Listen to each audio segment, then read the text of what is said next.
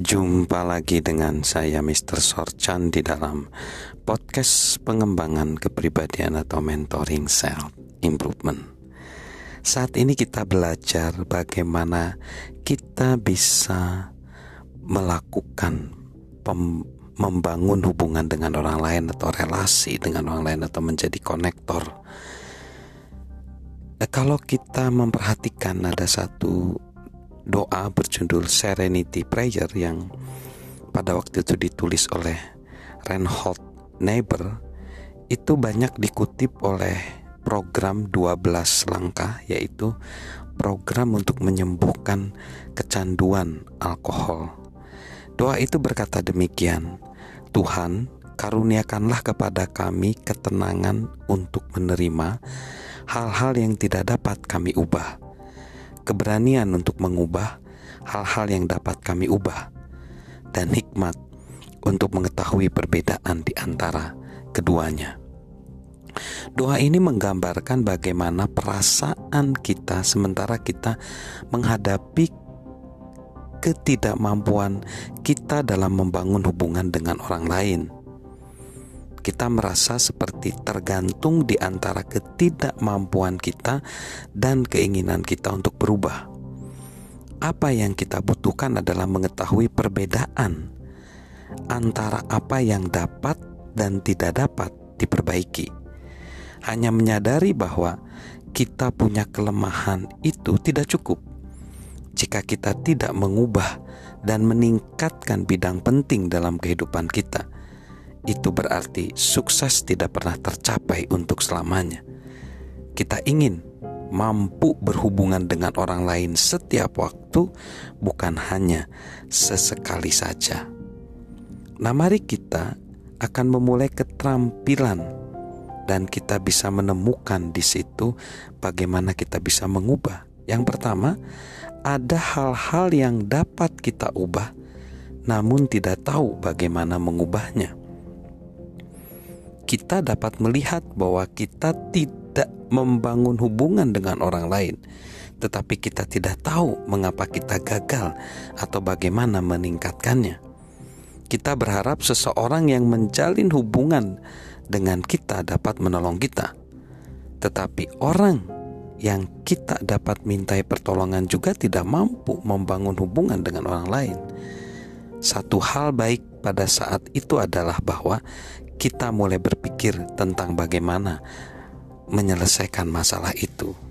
Lalu, keterampilan bertahan kita lebih besar daripada keterampilan membangun hubungan.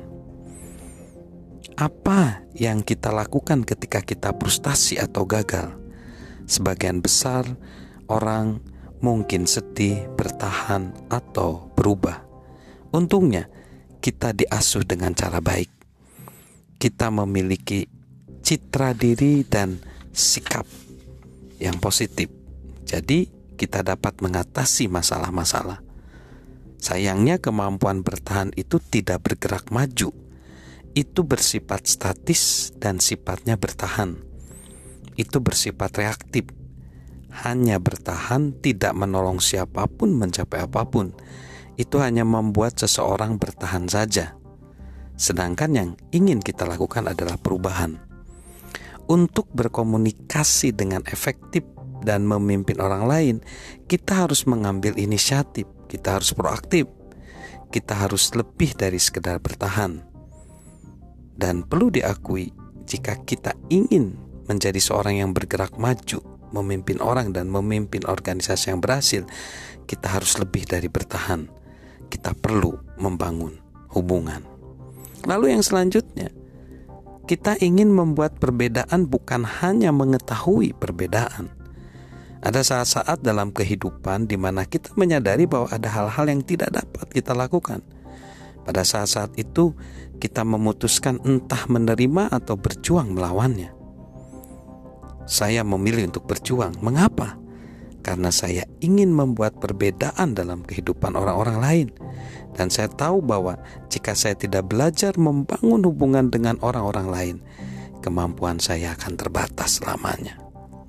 Jadi, kita tidak mau hanya hidup dengan kelemahan-kelemahan kita. Kita ingin melakukan sesuatu. Lalu, kita membutuhkan lebih dari keberanian untuk mengubah segala sesuatu. Kita perlu keterampilan membangun hubungan. Jujur saja, pada Serenity Prayer terasa sedikit pasif bagi seorang pemimpin alami yang proaktif.